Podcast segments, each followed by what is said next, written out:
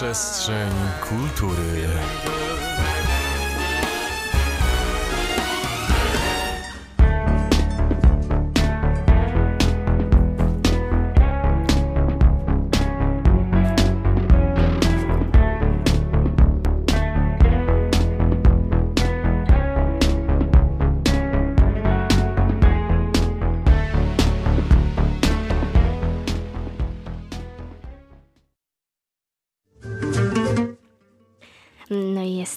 We wtorek 7 listopada.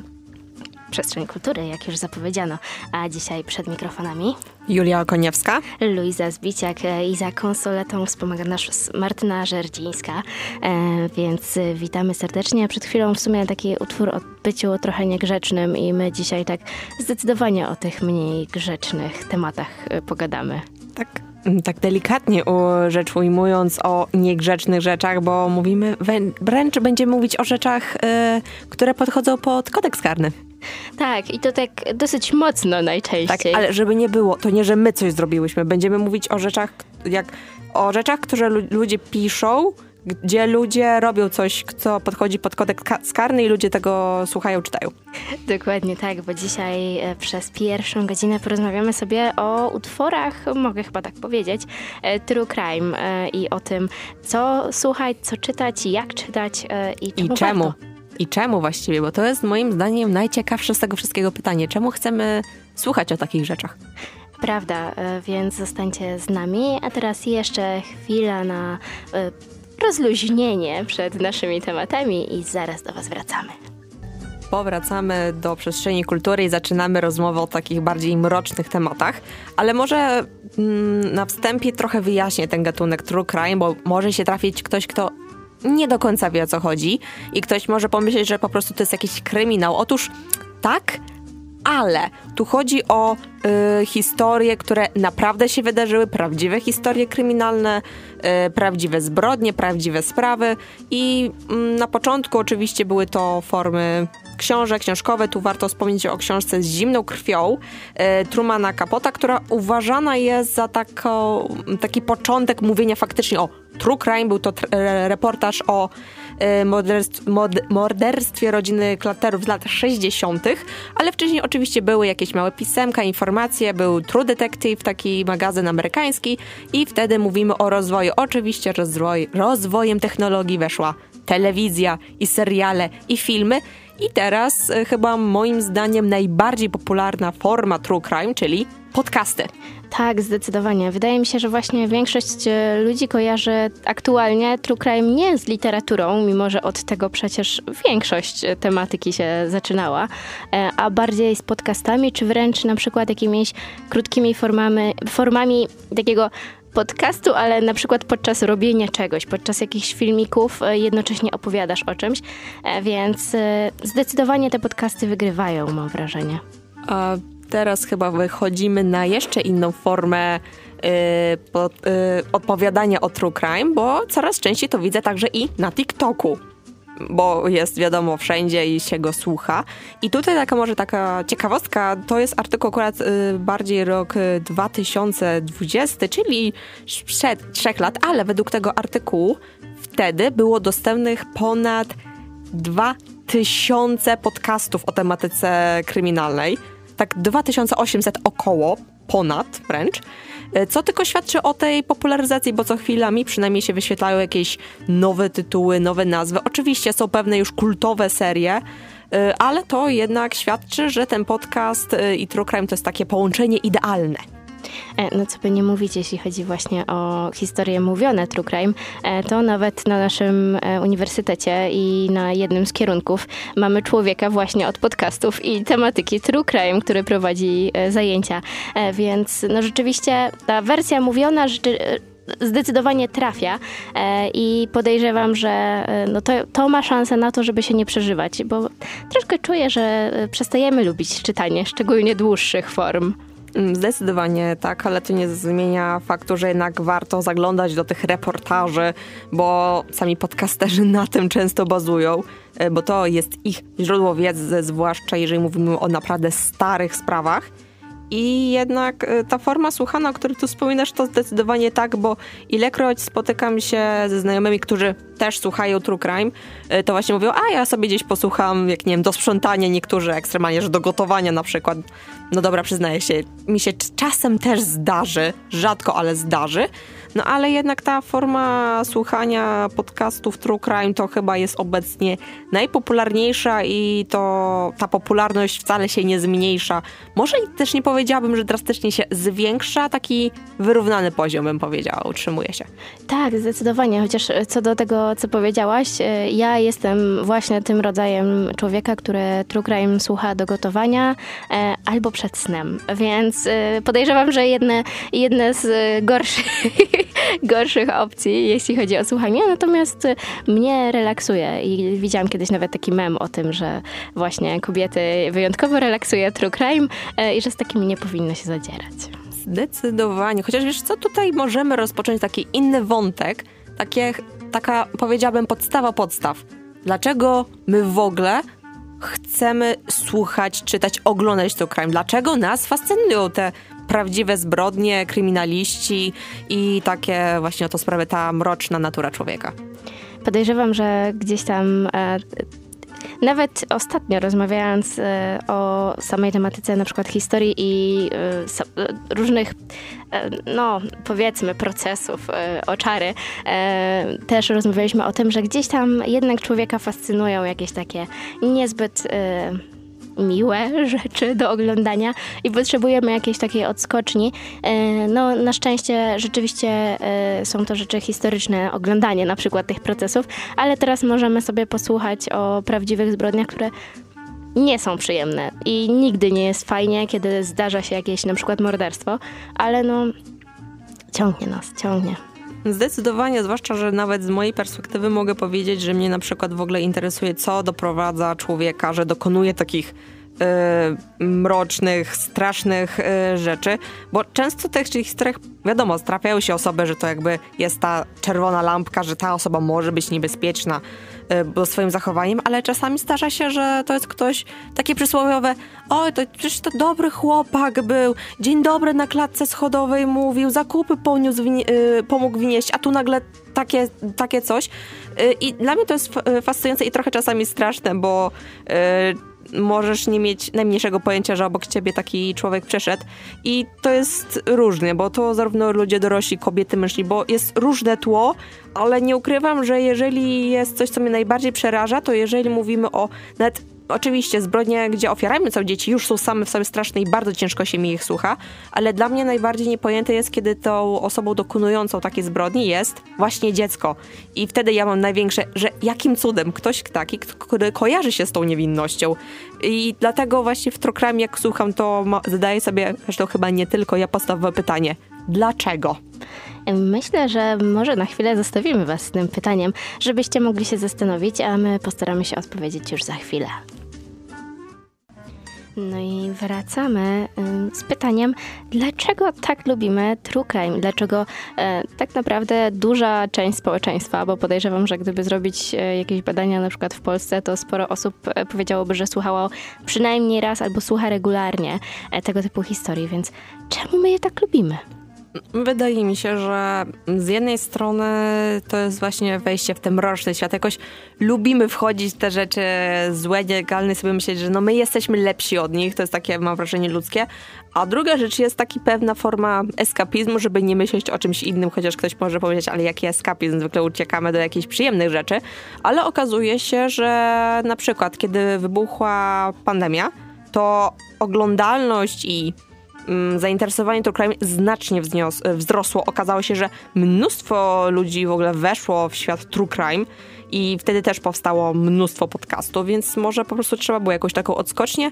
A poza tym, wiesz, wydaje mi się, że jest też taka sprawa, że mm, bywa, że my o tych sprawach już gdzieś słyszeliśmy. Słyszeliśmy w nagłówkach telewizyjnych, ale tam wiadomo, tylko takie podstawy, a my chcemy dokładnie wiedzieć o co chodzi.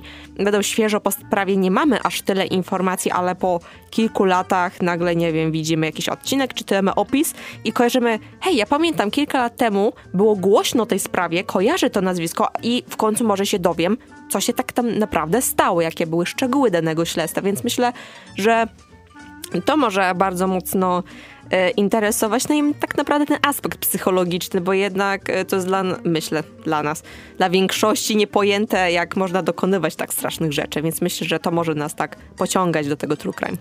E, ja też postanowiłam trochę sprawdzić, czy ktoś się tym interesował, no bo jak wiadomo, jak zadajemy sobie takie pytania, to naukowcy zwykle są krok przed nami i zadali sobie je wcześniej. Mm. I rzeczywiście e, są takie badania naukowe i, i sprawdzano, co w ogóle nas ciągnie, co, co w ogóle sprawia, że te historie o seryjnych mordercach, czy o w ogóle morderstwach, zbrodniach wszelkich e, tak bardzo przyciągają. E, I tak naprawdę naukowcy mam wrażenie, że są zgodni, że podstawową rzeczą jest to, że potrzebujemy jednak takiego e, zastrzyku adrenaliny. No bo jednak e, brać udział w jakichś takich mega e, stresowych sytuacjach nikt nie lubi, a to jest taki bezpieczny zastrzyk adrenaliny, który gdzieś tam utrzymuje nas w tym takim no nie chciałabym e, powiedzieć tego brzydko, ale mam wrażenie, że trochę haju adrenalinowym, bo, bo jednak gdzieś tam e, człowiek lubi e, się trochę, trochę poczuć takiego dreszczyka. No zdecydowanie tak, bo tak jak już wcześniej wspominałam, no pewne sprawy to mm, sprawiają, że człowiek nawet nie wie, co powiedzieć, komentować. Przyznaję się szczerze, że były takie sprawy, o których słuchałam, że aż musiałam w ogóle wyłączyć i jakby musiała to do mnie dotrzeć, co ja właściwie usłyszałam te dwie minuty temu, od, że takie, ktoś to faktycznie zrobił, to się faktycznie dokonało. E, a teraz wpadłam na, na, taką rzecz, że w sumie jest jeszcze jeden aspekt, który mnie interesuje, to takie, hmm, jakby to nazwać, reakcje danych społeczności na dane sprawy, bo wydaje mi się, że pewne sprawy potrafią zmienić spojrzenie na pewną grupę, bo na przykład dany atak był na konkretną grupę społeczną, a niektóre e, sprawy na przykład wpłynęły, że powstały pewne mm, organizacje albo systemy poszukiwania, czy teraz nie pamiętam nazwy, jak nazwać najmocniej, za to przepraszam, e, a propos właśnie zaginionych dzieci, że dopiero po jakiejś sprawie e, to szybciej poszło tak. i tak dalej. No niestety musiało to powstać po naprawdę tragicznej sprawie, no ale tak to chyba zwykle w przypadku ludzi bywa, że musi stać się naprawdę wielka tragedia, y, żeby coś się zmieniło, ale ten aspekt taki socjologiczny też mnie naprawdę interesuje, bo często słuchający, y, przynajmniej nie wiem y, jak ty, ale mam takie, słucham i dowiaduję się, że tu czegoś nie zrobiono, że ta grupa nie zrobiła takie, przecież tu już można było zadziałać, takie, czemu tutaj nic nie zrobiono, nie zatrzymano danej osoby albo grupy osób? I wtedy człowiek siedzi i ma takie, co jest z nami ludźmi nie tak?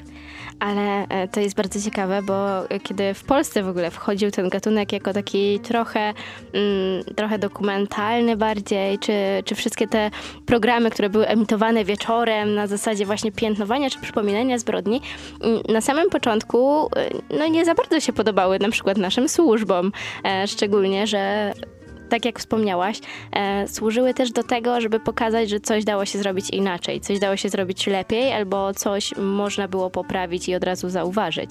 I wiadomo, że e, z pewnej perspektywy i odległości człowiek zawsze widzi trochę lepiej, e, ale często słuchając na przykład podcastów e, True Crime, człowiek ma wrażenie, że to są tak podstawowe rzeczy, których śledczy na przykład stwierdzili, że nie sprawdzą, albo uznali, że nie, w sumie, w sumie jest ok. E, więc tak, jeśli chodzi o ten aspekt e, socjologiczny, czy w pewien sposób jakiegoś myślenia i zastanawiania się, co można było zrobić, e, albo wprowadzania pewnych, e, pewnych udogodnień, też na pewno gra znaczenie. Ale dla mnie też mega ciekawe było to, że po takich no, dosyć szeroko zakrojonych badaniach okazało się, że aż 76% osób, które słucha tego typu e, utworów, stwierdziło, że dzięki temu uczy się tego, jak mogłoby się zachować, gdyby coś się przydarzyło. I to jest fascynujące, bo rzeczywiście ja na przykład nigdy nie analizowałam tego w ten sposób.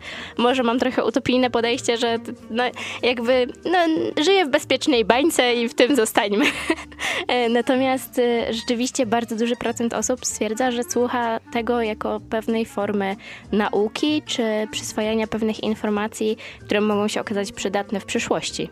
Ale powiem ci szczerze, że coś w tym jest, bo może to ty robisz też, tak nieświadomie, bo ja dopiero też to zauważyłam, że jak już słucham albo czytam o jakiejś sprawie, to są już pewne rzeczy, że aha, w tej sytuacji powinno się zrobić to, zadzwonić do tej osoby i tak dalej. I to akurat jest dobry aspekt, bo człowiek trochę wie, jak się zachować, ale to nie chodzi o to, że ja jestem jako ofiara, ale czasami bywa, że mogę być świadkiem i to jest ten taki kluczowy moment, że ja mogę tutaj naprawdę pomóc, uratować życie i to naprawdę są przydatne informacje albo zauważyć coś, co się wyda mm, podejrzane i chcę poinformować odpowiednie służby, więc ten aspekt true crime mi się wydaje jak najbardziej taki pozytywny, bo wiadomo trochę jak się zachowywać. Wiadomo, że jeżeli dojdzie do jakiejś sytuacji, to człowiek nie stanie stwierdzić, jak się zachowuje, bo często wchodzi ta panika, ten stres, ale może gdzieś tam tak gdzieś w mózgu wtedy gdzieś przyjdzie ta informacja, halo, ja tu powinienem zrobić to i w takiej kolejności i w taki oto sposób.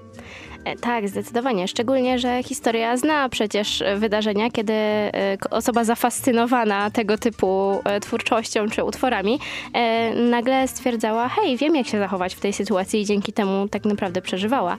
Bo nawet ostatnio właśnie wpadł mi w ręce bodaj artykuł o dziewczynie, która trafiła na seryjnego mordercę i tylko dzięki temu, że uwielbiała tematykę kryminalną i true crime, to wiedziała jak go podejść i zmanipulować, żeby była w stanie się uwolnić. Też y, chyba myślimy o tej samej sprawie, bo też kojarzę taką dziewczynę, że jak ktoś ją porwał, ale tak y, wiedziała, jak się zachowywać, po prostu ten w ogóle wypuścił y, ją z domu i co ciekawe, ta dziewczyna później została policjantką, więc mm, wiedza z true crime jednak czasami bywa naprawdę przydatna. Zdecydowanie tak. I myślę, że z tym aspektem na chwilę Was zostawimy, a za moment wrócimy opowiedzieć o tym, dlaczego jeszcze tak kochamy true crime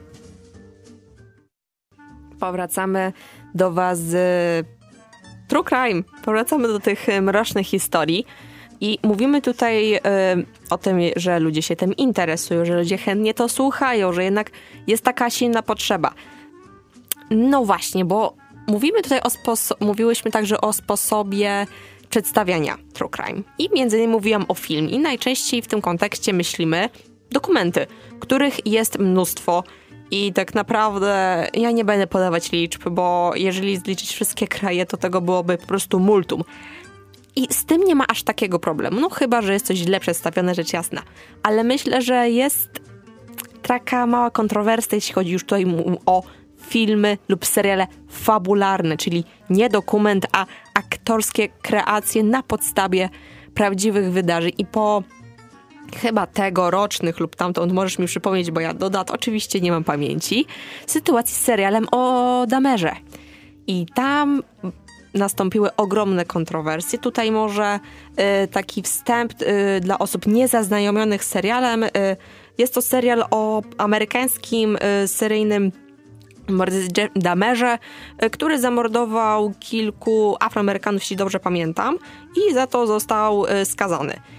Yy, I powstał na podstawie tych wydarzeń, wiadomo, wcześniej dokumentów, ale powstał i serial. I ten serial wywołał spore kontrowersje, zwłaszcza u rodzin ofiar.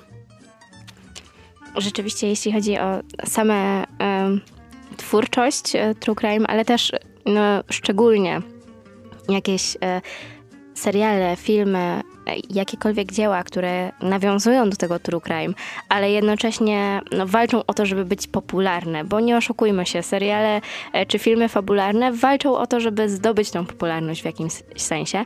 Mm, myślę, że rzeczywiście mogą budzić to pytanie, to, to jeszcze jest e, przed granicą e, tej etyki pewnej, czy już nie? No bo Oczywiście, e, dla, tak jak wspominałyśmy wcześniej, dla większości słuchających e, to jest zdecydowanie pewna forma nauki i może być absolutnie przydatne. E, ale pytanie na przykład, jak daleko wstecz sięgać i to jest to, o czym też wspominałaś przed chwilą.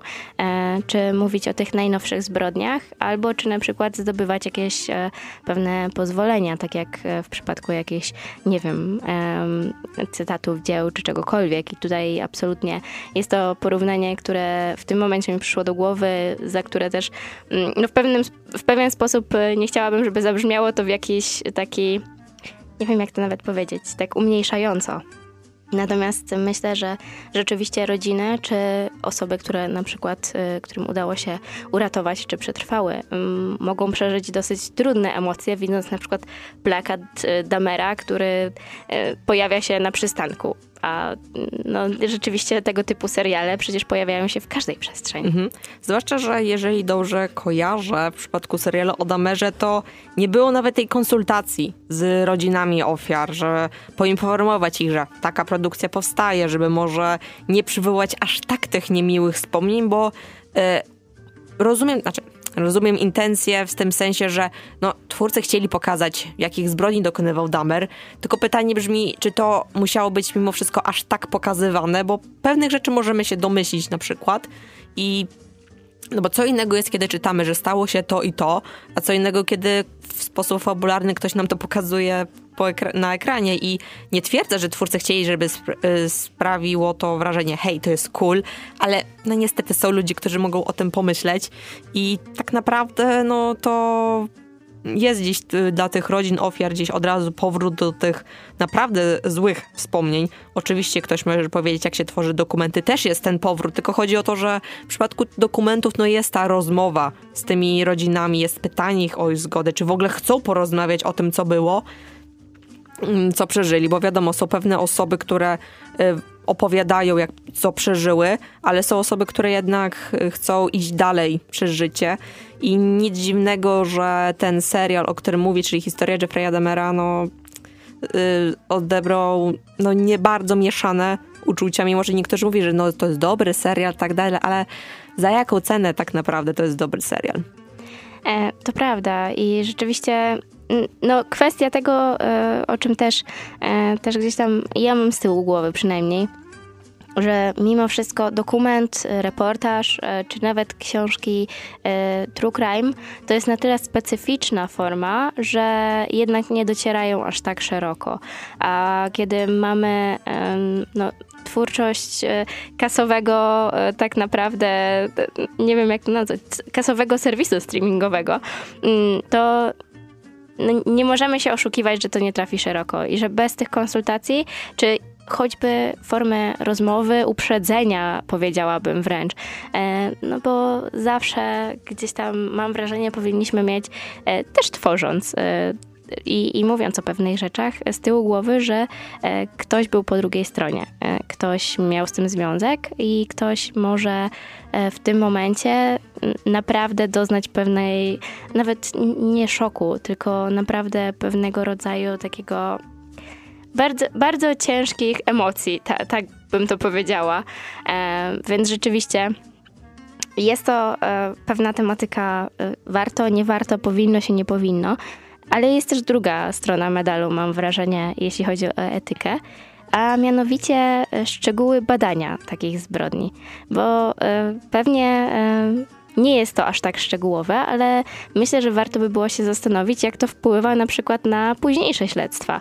Czy gdzieś tam słuchając tego, oczywiście większość słuchających absolutnie pewnie nie ma na myśli tego, żeby wykorzystać to w tym kierunku w swoim życiu, ale no w pewien sposób zdradzając na przykład szczegóły działań śledczych, e, też powodujemy, że jest to szerzej znane i, i łatwiej gdzieś tam to obchodzić, mam wrażenie. Mm, tak, to jest też wątek, który bardzo się nawet cieszę, że podjęłaś, bo chciałam o tym powiedzieć, czyli chodzi też, wchodzimy tutaj w odbiór, trochę taki zdrowy odbiór, bo niestety e, bywały przypadki, kiedy ktoś, kto był fanem true crime, Niestety sam stał się morderczą, mordercą, morderczynią.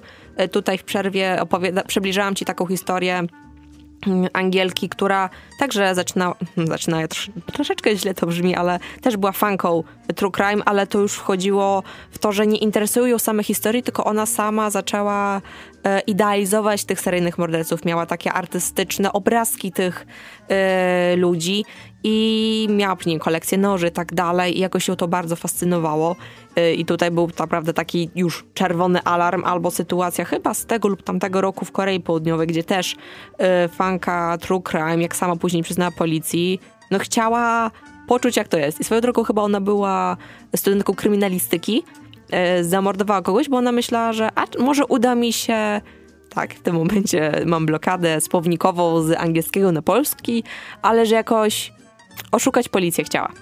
Tu brakuje mi tego idealnego sformułowania e, po, angiel e, po angielsku, które jest, ale chciała tego spróbować i tutaj człowiek może myśleć, ale to jest dziewczyna, która słucha tych historii, e, wie jak bardzo to złe jest, niby jeszcze studiuje coś, co mówi, hej, to jest złe, a jednak tego dokonała i tu chodzi o to, że taka lekcja, jeśli chodzi o true crime, że pamiętajmy przy odbiorze takich treści, że to są historie o prawdziwych ludziach, o prawdziwych dramatach, dramatach, o prawdziwych tragediach i osoby, które są bohaterami, właściwie antybohaterami tej historii, to nie są ludzie, których powinniśmy yy, traktować jako herosów, jako jakiś, nie wiem, idoli czy cokolwiek, bo jeżeli ktoś z was słuchaczem ma nagle takie myśli, to sugeruję raczej udać się z tym do specjalisty albo kogokolwiek, bo to już naprawdę jest jednak y, niebezpieczne. Zdecydowanie tak, e, ale myślę, że e, ten, no, mówiąc szczerze, dosyć trudny temat właśnie odbioru i tego, w jaki sposób podchodzić do true crime, zostawimy na po przerwie, e, żebyście mieli chwilę zastanowić się, co, co i jak. Chwila refleksji. E, no i wracamy, a przed piosenką, przed muzyką e, trochę nam się zrobiło, mam wrażenie, e, tak depresyjnie i, i jakby poszłyśmy drogą tego, że no gdzieś tam trzeba by było uważać z tymi podcastami, czy w ogóle z twórczością True Crime, e, więc ja chciałabym też e, trochę mm, na początek tego wejścia uspokoić, że e, jeśli chodzi o samych fanów właśnie True Crime, czy wszelkich w ogóle można by było powiedzieć bardziej agresywnych, brutalnych form e, odreagowywania, e, natomiast odreagowywania wirtualnego mam tu absolutnie na myśli. Mortal Kombat te sprawy. tak, e, więc y, absolutnie dementuję i chciałabym to bardzo mocno podkreślić. Nie jest tak, że na przykład 90% osób, które słuchają, oglądają, czytają True Crime albo grają w gry, które gdziekolwiek zahaczają jakieś brutalności, nagle będzie wychodzić na ulicę albo, nie wiem, pisać listy do seryjnych morderców i prosić o to, żeby wzięli z nimi ślub. E, bo tak nie jest i rzeczywiście raczej idziemy w drugą stronę. E, tak jak wspominałam wcześniej, te badania, raczej idziemy w stronę tego, że uczymy się jak unikać, e, niż jak de facto doprowadzać, tak bym to powiedziała. E, zdecydowanie tak, bo tutaj to, co ja powiedziałam, może aż tak mrocznie, że chcę mówić, że ja wy wszyscy fani true crime, e, z wami coś będzie nie tak. Nie, nie, nie, nie. To jest naprawdę bardzo mała grupa ludzi e, na całe szczęście, więc uspokajam w tym momencie, ale tutaj jakoś wyszło trochę w tej naszej przerwie kolejny taki wątek, który mnie zaczął interesować, czyli mm, przyszłość true crime i tu bardziej myślę o formie opowiadania. E, bo tak, mówiliśmy, książki, dokumenty, mm, artykuły, e, filmy, seriale, podcasty teraz. No ale no wiadomo, jak to bywa z tą technologią, no ona idzie do przodu, więc dostaniemy pewnie coś innego. Wspomniałam na samym początku naszej audycji o TikTokach. No i niestety tam pojawiła się taka hmm, mm, forma w cudzym słowie, yy, opowiadanie o true crime, tu też cudzysłów, E, otóż, e, jak pewnie słyszeliśmy wszyscy, to sztuczna inteligencja AI idzie e, cały czas do przodu.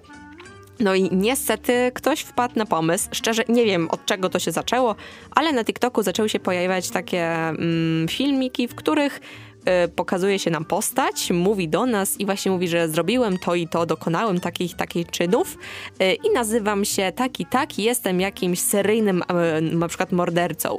I przyznam, jak po raz pierwszy się z tym spotkałam, to byłam w szoku, bo nie byłam, miałam takie, co tu się właściwie dzieje, takie chwila, chwila, o co tu chodzi. I to jest dziwne mocno, ale dla mnie jeszcze dziwniejsze były te filmy, kiedy już nie widzimy człowieka przedstawiającego się y, jako sprawca, ale nagle widzimy na przykład jakąś kobietę, która mówi, e, została na przykład zamordowana przez własnego chłopaka i nazywam się tak i tak, opowiem wam moją historię i wtedy gdzieś mi się włączyła taka czerwona lampka ostrzegawcza, że coś tutaj jest naprawdę mocno nie tak z tym, nazwijmy to trendem. Coś w tym jest, bo rzeczywiście o ile słuchając, czytając, mając taką formę mniej wizualną, mam wrażenie, e, nie mamy poczucia, że nagle nadajemy twarz tym ludziom, że gdzieś tam w pewien sposób, e, to znaczy chodzi mi bardziej o kwestię e, przestępców, że ten człowiek zyskuje nagle dla nas twarz, jest w pewien sposób taki jest, jest osobą. Tak, tak mam, to mam na myśli. To znaczy, Wiadomo, słuchając, jesteśmy świadomi, że to jest e, taki sam obywatel, człowiek, jak e, prawdopodobnie 90% spotykanych przez nas na ulicy. Ale kiedy nagle wchodzi AI i pokazuje nam twarz tego człowieka, stworzoną na wzór na przykład jakichś jego starych zdjęć, e, fotografii, grafik itp., to, to jest to nie wiem nawet jak to nazwać, bo jest to takie niekomfortowe wewnętrznie, mam wrażenie. Zdecydowanie, bo tutaj się pojawia takie, że no traktujemy sobie te ofiary jako o, jakaś taka fajna ciekaweczka, jaka rozrywka, a zapominając, że um, to były osoby, które tragicznie straciły życie, e, które no, byłyby z nami dzisiaj, gdyby nie jakieś e, jednostki. A tutaj robimy sobie taki filmik na TikToka, który by zgarnął, nie wiem, kilkadziesiąt, kilkaset tysięcy polubień, czy serduszek, jak kto woli. I tutaj też się pojawia ten problem, bo właśnie z tym traktowaniem niepoważnie, znaczy niepoważnie. Hm. Nie wiem, czy to tutaj jest dobry przymiotnik, ale chodzi mi o to, że zapominanie właśnie o tym, o kim rozmawiamy, bo jeżeli wrócimy już do, nawet nie tyle pod, czasami podcastów, ale filmów na YouTubie, bo też YouTube mhm. to jest też miejsce, gdzie jest mnóstwo mm, historii true crime, Czyli jak to mówimy, bo co innego, kiedy mamy, prawda, studio, jest osoba, która podaje fakty, przytacza jakieś wypowiedzi czasami, yy, czy to policji, czy to yy, rodzin ofiar, ale yy, chodzi o to, że niektóre osoby, mm, przynajmniej w polskim y, świecie YouTube'owym się nie spotkałam, ale na w amerykańskim widziałam na przykład y, jak ktoś łączył true crime z innym popularnym, przynajmniej kilka lat temu, nie wiem jak dzisiaj, formą y, filmów, czyli mukbangi. I są to te filmy, w których są osoby, które jedzą ogromną liczbę, y, liczbę ilość jedzenia. I to w pewnym momencie jest, jest smaczne, bo to się robi taka luźna popogadanka, a pogadajmy o tym, jak sobie na przykład taki i taki seryjny morderca dokonywał takich takich zbrodni. Albo to też wiem, że niektórych to też zauważyłam, bulwersuje, jak są osoby, które e, opowiadają o tych historiach i przy okazji robią sobie makijaż. Chociaż akurat myślę, że w przypadku makijażu to jeszcze nic niż jak się robi cały bufet i na spokojnie siebie rozmawia przy kolce na przykład albo na gecach.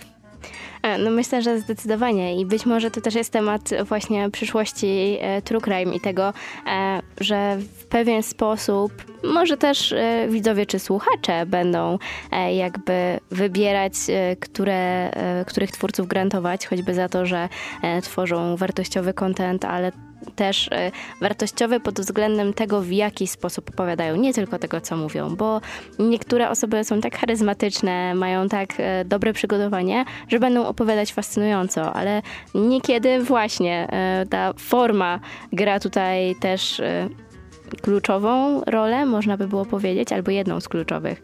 Mm.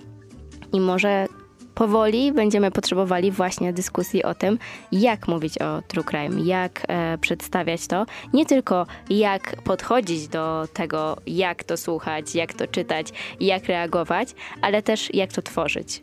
Zdecydowanie, zwłaszcza, że jednak są przeciwnicy e, true crime i uważają, że jest to bardzo nieetyczny gatunek, ponieważ e, ci przeciwnicy mówią, że twórcy True Crime tak naprawdę żerują na ludzkiej tragedii, e, że wykorzystują czyjąś e, traumę, że wykorzystują e, takie naprawdę przykre sytuacje, żeby opowiedzieć historię i przy tym na przykład zarobić, bo wiemy chyba, że z YouTube'a, z Spotify, z książek, no zarabia się pieniądze, prawda? I zapomina się o tym, że mówimy o prawdziwych ludziach.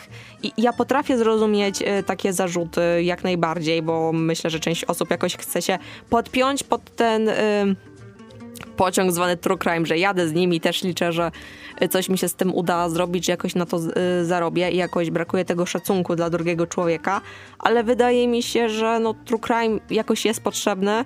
No, myślę, że jak są na przykład studia kryminalistyczne, to jak najbardziej, ale tak jak mówię, no z głową, z głową i jeszcze raz z głową podchodźmy do tego true crime, bo no jednak to jest ciężki temat, tak po prostu.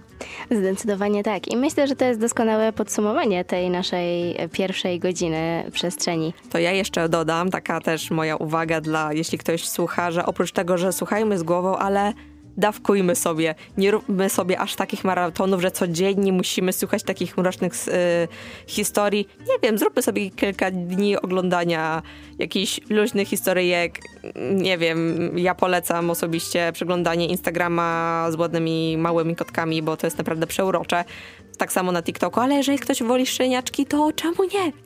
Zdecydowanie tak. Pamiętajmy, że nasz obszar nagrody możemy aktywować nie tylko adrenaliną, chociaż ta uzależnia, y, ale wiecie, uzależnia też kawa, ser, więc możecie znajdować różne przyjemne jakby formy spędzania czasu.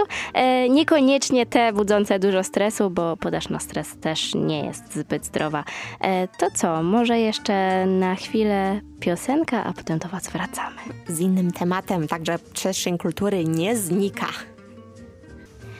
W sumie tak serwisowo mogłybyśmy powiedzieć, minęła godzina 19, więc zapraszamy Was na kolejną godzinę przestrzeni kultury. Tak, audycja się nie zmienia, to nadal jest przestrzeń kultury. Dokładnie tak. Prowadzące te same. Tak, ale przypomnijmy, kto, kto dzisiaj mówi do mikrofonu? Julia Okoniewska. Luiza Zbiciak, ale mamy też tutaj cichego pomocnika, który nam się zmienił. E, Nowy Więc... realizator, Jakub Purgat. Mm, dokładnie tak. E, no i co? E, w tej godzinie zdecydowanie zmieniamy tematykę ale, ale nie, myślę, że nie uciekniemy od tematów y, około przestępczych, bo film rządzi się swoimi prawami. Mm, w poprzedniej godzinie sporo opowiadałyśmy o true crime, o tym y, dlaczego, jak, y, po co i w jaki sposób, tak można by było to skrócić.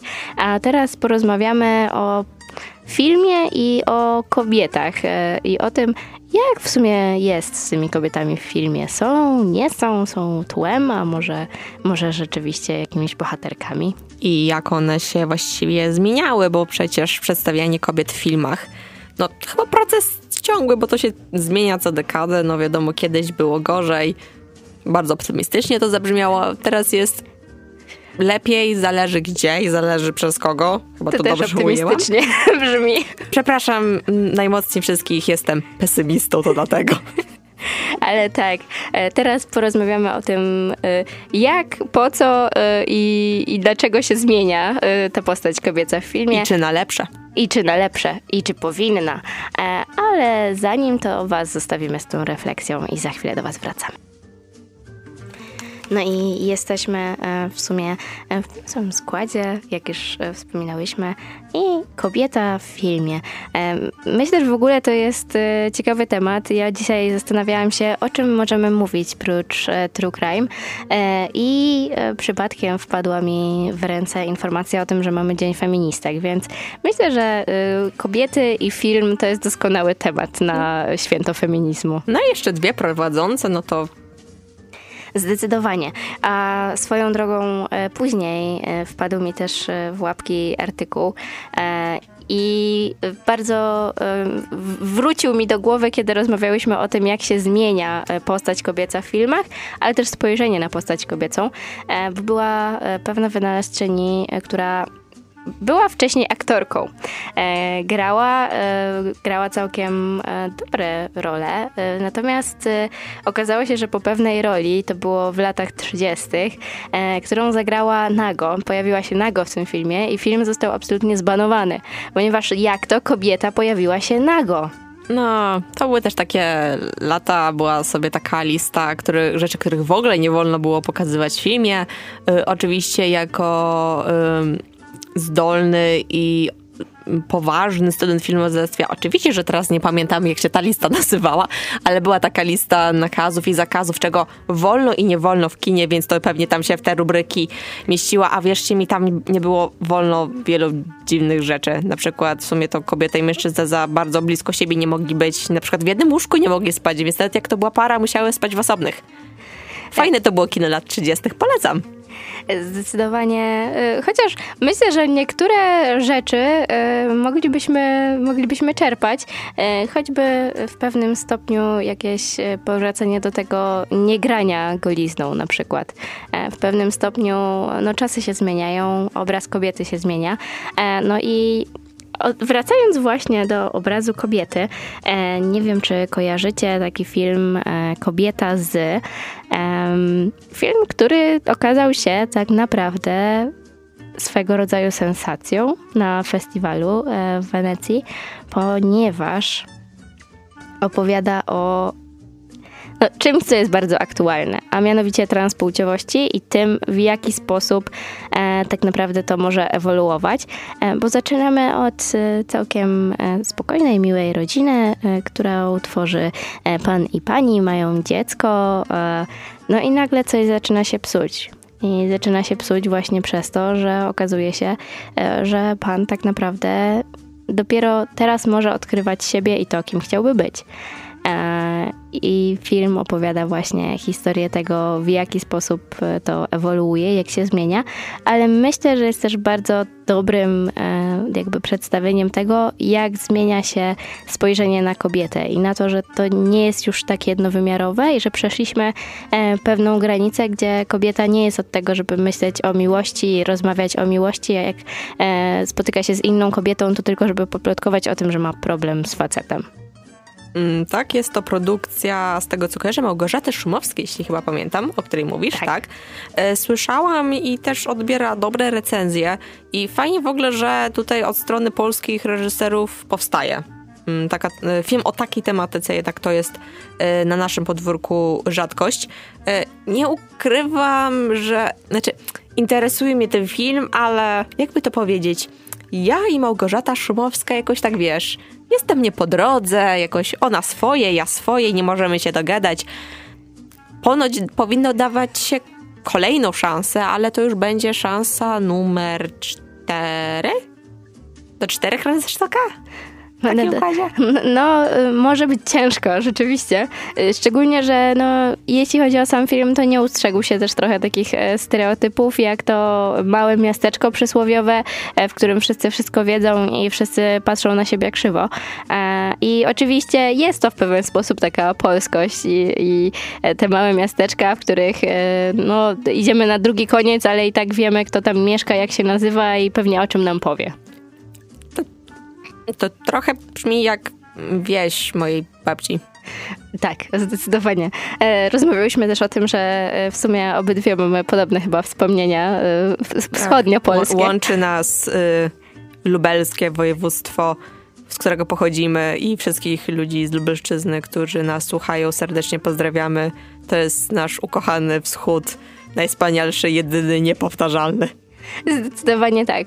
Chociaż niestety wschód też nie ostrzega się od tych małych miasteczek i znania wszystkich. Coś tym jest. Znaczy, nie jestem z miasteczka, które zna wszystkich, ale jestem z miasta, gdzie pewne rzeczy roznoszą się dosyć szybko, pewne plotki, informacje, więc podobny mniej więcej klimat. Tak, zdecydowanie. E, no więc e, podejrzewam, że może to też jest siła tego filmu, że wszyscy odnajdą coś, coś ze swoich wspomnień, ale no przede wszystkim jest to e, tak naprawdę produkcja pokazująca, że w kinie można coś więcej, można pokazać coś innego i dla mnie podobną produkcją mam wrażenie pokazującą, że można inaczej były Matki Równoległe, bo to też był film o kobietach, ale kobietach pokazanych E, zupełnie od innej strony, też emocjonalnej, też absolutnie o miłości, natomiast e, nadal patrzący na to, że kobieta nie jest tylko matką, żoną, e, córką czy kochanką i, i, nie tylko wokół tego partnera kręci się mm. świat. No tak, ale to jest też świetne u Almodovara, że jest jednak ta emocjonalność y, kobiet, bo wiadomo, z tymi to jest takie mm, stereotypowe y, myślenie o kobietach, zwłaszcza z tych starych filmach, że właśnie kobieta musi być emocjonalna aż, aż nadto. E, tylko mam wrażenie, jak później przeszliśmy tą transformację, że trochę inaczej przedstawiamy te kobiety, to właśnie nie ma tych emocji prawie w ogóle. Że jak myślenie o takich, że to jest silna, potężna kobieta, że ona od razu musi być, nie wiem, wypruta z emocji i tak dalej, tak jak trochę stereotypowy mężczyzna, który mieć emocji nie może. I to mi aż przypomniało, jak rozmawiałam o tym z moim profesorem na zaliczeniu. Ja pamiętam, użyłam takiego bardzo mądrego terminu, że to wychodzi trochę taki kobiecy koks.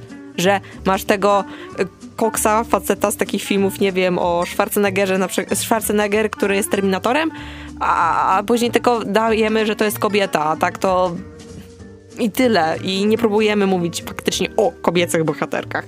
Zdecydowanie, no myślę, że akurat Almodovar jest takim twórcą, który absolutnie nie stroni od emocji e, i to też jest być może kierunek, w którym też fajnie by było pójść, e, żeby od tych emocji nie stronić, bo to jest dokładnie, dokładnie to, co powiedziałaś, że idziemy w kierunku pokazywania kobiet, ale stwierdzamy, że one muszą być tak podobne do jakiegoś stereotypu mężczyzny, e, żeby, nie wiem, wpasowały się, żeby nie pokazywać tego, że mają emocje, a przecież naturalnym jest to, że każdy człowiek je ma i każdy człowiek je pokazuje. kobieta, wszyscy.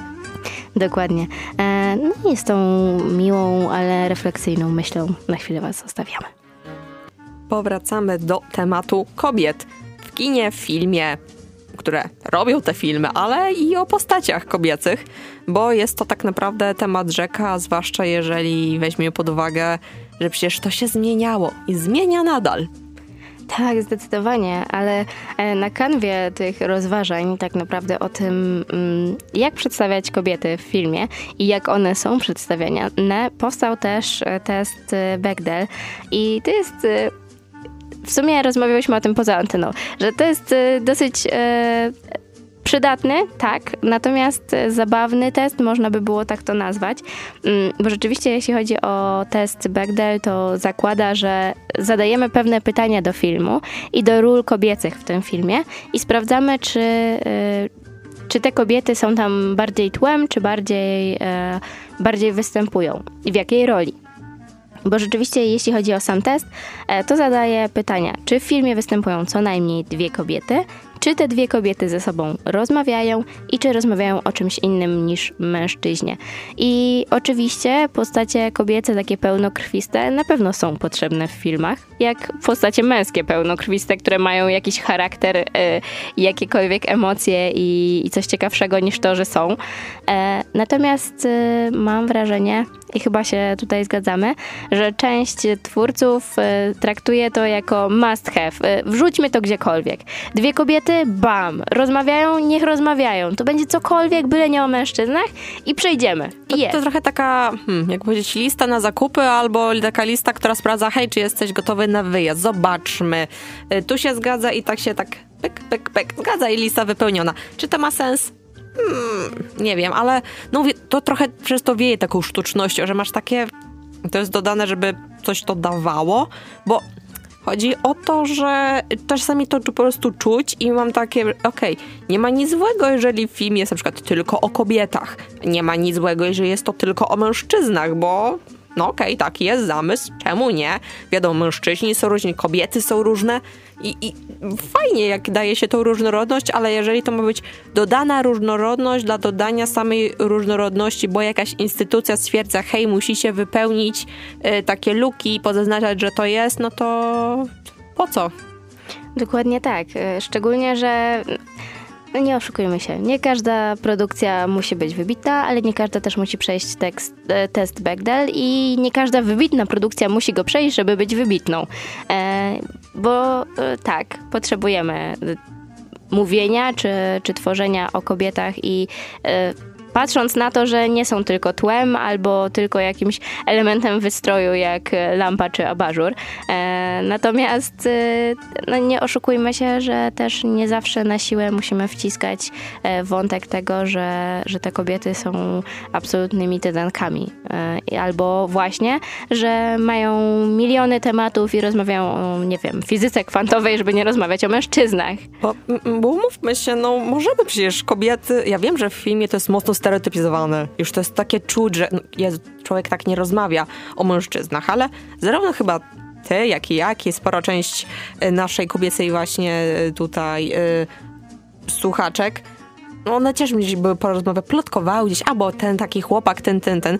Mi się to zdarzyło, więc to, to nie jest tak, że kobiety o tym w ogóle nie rozmawiają, ale mm, tu jest właśnie takie podejście, jeśli chodzi o przedstawienie postaci kobiece, których ja na przykład nie lubię, bo wiadomo, to jest okropne, kiedy kobiety są przedstawione, że one tylko mogą być żonami, matkami, zajmować się domem, myśleć tylko o mężu i o dzieciach.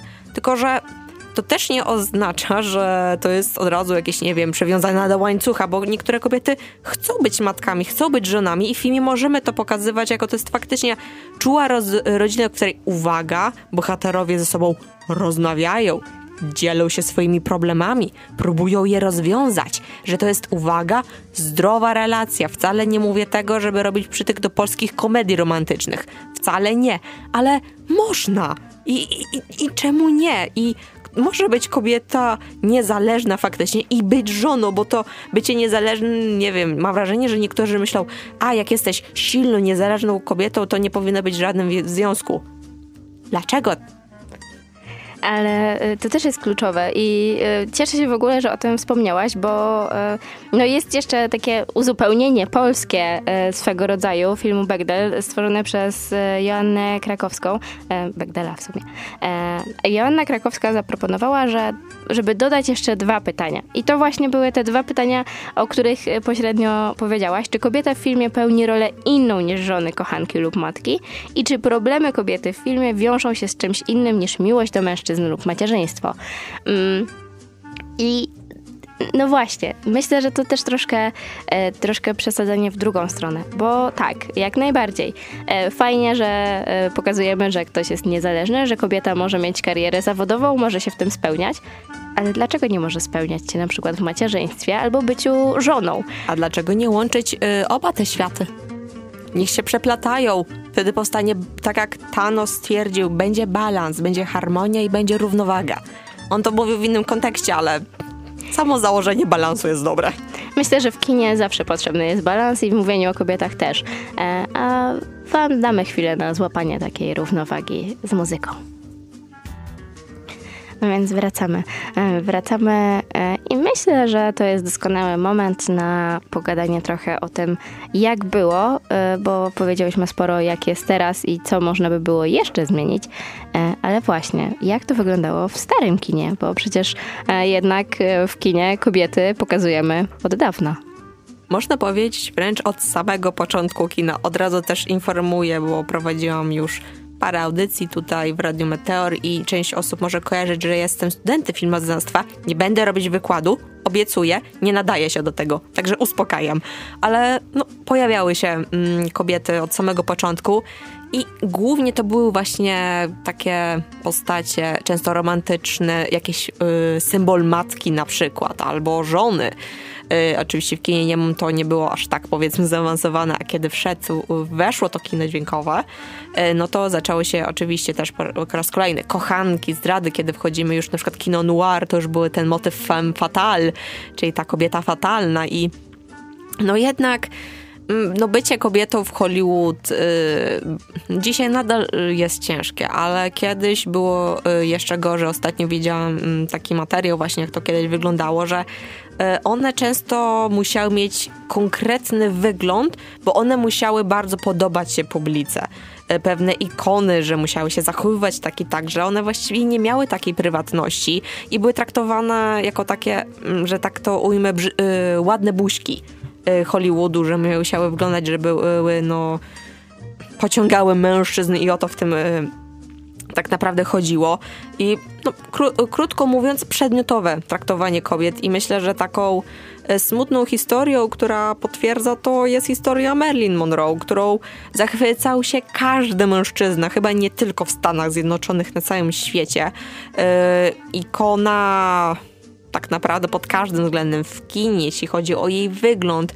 Ona była taką fantazją y, mężczyzny, taka piękna blondynka, taka troszeczkę głupiutka, a mówimy tu o osobie, która przeżywała dramat y, wewnętrzny, miała bardzo ciężkie życie i to jest kobieta, która na przykład, to co o tym wspomnieliśmy, ona na przykład chciała po prostu na przykład być matką.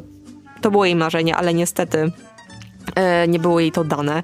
E, wiadomo, też tajemnicza śmierć yy, z tym związana i no, dzisiaj trochę można powiedzieć, to jest moim zdaniem przykre, trochę nadal jest tym przedmiotem popkultury, że często zamy, zapamiętamy, zapam, tak, zapamiętamy, zapominamy, że była to kobieta zmagająca się z wieloma problemami, która miała wiele traum w swoim życiu. I to trochę pokazuje ten ostatni mm, film biograficzny o Marilyn Monroe. Nie pamiętam teraz tylko jak się nazywał, bo on nie był Monroe ani czy blondynka może? Chyba tak. Właśnie Coś on takiego... był zupełnie niezwiązany z jej nazwiskiem. Tak, tak, tak. I to też było takie mocno przedmiotowe i trochę mm, znaczy, wiadomo, było pokazywane to jej ciężkie życie, ale mam wrażenie, że to też wchodziło w nie te rejony, co trzeba, a naprawdę wielka szkoda, bo to jest ikona kina i co do tego nie ma wątpliwości, ale to jak była traktowana przez... E, ludzi y, z świata Hollywood, nie mówię tylko o reżyserach, mówię też o producentach, dyrektorach i tak dalej, no to jest taki trochę smutny obraz y, kobiet, aktorek Hollywood. I tylko to taka uwaga, to nie jest tak, że każda kobieta była traktowana tak samo w Hollywoodzie. Były takie tak zwane mocne charaktery, które się aż tak łatwo nie dawały, ale no początki jeśli chodzi o kino i kobiety, były ciężkie. Ja o temat reżyserkach to nie wspomnę, bo no, trochę trzeba było poczekać, nim faktycznie dałoby się pozwolić kobiecie, że tak ujmę, wziąć się za reżyserkę, no bo przecież jak to może być? Przecież ktoś by wtedy pomyślał. E, ale też e, odnosząc się do postaci choćby Marilyn Monroe, ale i innych aktorek e, starego kina, tak, tak zwanego starego kina, to teraz przyszło mi na myśl, że na dobrą sprawę, mimo że były to ikony i rzeczywiście nadal są pewnymi rodzaju ikonami, pewnego rodzaju ikonami, to nadal mimo wszystko kojarzą się popkulturowo z ładną buzią, tak przysłowiowo mówiąc. I znajdziemy Marilyn Monroe, e, Bridget Bardot choćby na jakichś, nie wiem, fototapetach, e, nie wiedząc o nich w sumie praktycznie nic. No tak, albo słynny Monroe i zdjęcie z tą sukienką, no to już w ogóle ikona. I te wszystkie zdjęcia z tymi pozami i żeby nie było, to też nie oznacza, że na przykład część kobiet nie chce takich pozować. Niektórym się to podoba, ma oczywiście jak najbardziej prawo pokazywać swoje ciało, bo ktoś może być z niego dumny. Tylko to jest inna sprawa niż na przykład w przypadku kobiety, która tego nie chce. Tu musimy o tym pamiętać. Ale jest to po prostu trochę straszne, jak bardzo przedmiotowo one były e, pokazywane. E, I często tak naprawdę takie stereotypy kobiety, że były takie głupiutkie, na przykład blondynki, że często to były bardzo takie hmm, głupiutkie, że tu nie potrafiły, że potrzebowały pomocy tego mężczyzny, że one musiały być ratowane, przecież one same by sobie nie pomogły, że ten mężczyzna musiał być obok. On tu musiał stać, tutaj być i, i ją ratować. I żeby nie było, no zdarza się, że kobieta jest w opresji i potrzebuje czyjejś pomocy, ale to już było takie... A i oczywiście, przepraszam, jeszcze jeden wątek. Jak już ta kobieta e, zostaje uratowana i widzi tego swojego zbawiciela, no to musi się w nim zakochać. Tak, zdecydowanie. I w sumie tak podczas twojej e, wypowiedzi przyszła mi na myśl e, scena z serialu e, i scena, gdzie jest kobieta, notabene no, w tym wypadku akurat Miss, natomiast podchodzi dziennikarz i on absolutnie nie chce jej słuchać. On zadaje pytania jej ojcu, jej partnerowi. Ona pyta, czy, czy nie chce czegoś od niej wiedzieć, a on mówi, nie, nie, tylko stań do zdjęcia. Jakby to jest chyba clue właśnie, myślę, że myślenia nie tak starego wbrew pozorom, e, że kobieta ma ładnie wyglądać też w filmie, ale też reprezentować sobą to poza filmem. Jeśli jest gwiazdą, to nie powinna na przykład pokazywać, że jest zbyt inteligentna i że kryje się coś innego za tą ładną twarzą. No bo jak to inaczej ma być przecież? Tutaj taki przykład y, z serii Star Trek, którego fanem jestem ogromnym i tam też, jeżeli zobaczymy na kobiece bohaterki, to też on, często ich je trzeba było ratować. Nie zawsze, bo akurat tutaj warto wspomnieć o postaci Uchury, która po pierwsze była osobą czarnoskórą, y, tutaj właśnie kobietą i też bywały sytuacje, że to ona ratowała załogę, co było y, trochę niezwykłe, jeśli chodzi o tamte czasy, no, żeby nie były, jeśli chodzi o uniformy y, kobiecych bohaterek, no to to były sukienki, tak gdzieś do połowy uda. Wcale to nie miało wyglądać atrakcyjnie, ani trochę. A jeśli chodzi o postaci tych kobiet z innych planet, też wcale nie, nie, nie, to nie to, że miały po prostu się podobać mężczyznom, ani trochę. E, myślę, że z tą e, niezbyt przyjemną refleksją, którą tutaj zapowiadałyśmy, zostawimy Was na momencik. Pomału niestety zbliżamy się do końca, ale troszeczkę czasu mamy, więc skoro tak już pogadaliśmy, że kiedyś no nie fajnie było pokazywać, yy, znaczy może to źle ujęłam, pokazywanie, sposób pokazywania kobiet w Hollywoodzie nie był zbyt dobry, zbyt... Yy, taki oddający jakikolwiek szacunek kobietom i aktorki też miały źle, ale przecież nastąpiły zmiany. W końcu nastąpiły zmiany dzięki też ruchom feministycznym, gdzie kobiety też y, aktorki żądały równości płac, żeby trak przestać traktować ich przedmiotowo, żeby zacząć ich je przedstawiać jako kobiety z krwi i kości, jako ludzie, którzy mają swoje problemy na całe szczęście. Zaczęto tak je pokazywać. Tak, zdecydowanie. Chociaż e, mam wrażenie, że e, wcześniej też zdarzały się takie promyczki pokazujące, że kobieta e, jednak jest i może być bohaterką i to ciekawą postacią na, w filmie. Natomiast no, też myślę, że bardzo optymistycznie tutaj podeszłaś akurat. Bo, Czasem mi się zdarzy. Bo też jeśli chodzi o ten świat filmu, w ogóle świat celebrytów i gwiazd, to myślę, że ma jeszcze sporo za uszami, też jeśli chodzi o kobiety i, i równe traktowanie czy przedstawianie ich w przestrzeni. Albo jak były traktowane za kulisami. Właśnie, e, to, to też jest dodatkowy problem, ale żeby nie pozostawiać Was na koniec z takimi e, trochę melancholijnymi e, myślami, to myślę, że zaproponujemy Wam, co możecie obejrzeć po naszej audycji, żeby trochę się wkręcić w klimat choćby kobiecych postaci. Mm, ja pozwolę sobie zacząć od y, kobiecej bohaterki, która mam wrażenie trochę zmieniła właśnie sposób patrzenia na nie i na, na to, jakie mogą być. I mówię tutaj o filmie Obcy, Ósmy Pasażer Nostromo. Część osób może być troszeczkę zdziwiona, ale myślę, że postać y, Ripley jest y, obecnie ikoną popkultury. I taka ciekawostka, że początkowo ta postać miała być mężczyzną. E, ale kiedy reżyser filmu zobaczył właśnie mm, aktorkę e, i zobaczył, jak gra, to stwierdził, hej, to nie musi być mężczyzna. Ona świetnie się nada i to jest to coś, o czym wspominałam, że ona nie próbuje być mężczyzną, tylko ona faktycznie jest, jest tym kapitanem, bo się do tego nadaje, pokazuje emocje, że ona też może chociażby cierpieć, mieć jakieś problemy. I myślę, że no po prostu dla tej bohaterki warto oglądać. No jeśli ktoś jeszcze obcego nie widział, no to ogólnie polecam. Świetny film, nie zestarzał się wcale źle. To, tam jest najbardziej ikoniczna scena porodu w historii kina, więc serdecznie zachęcam.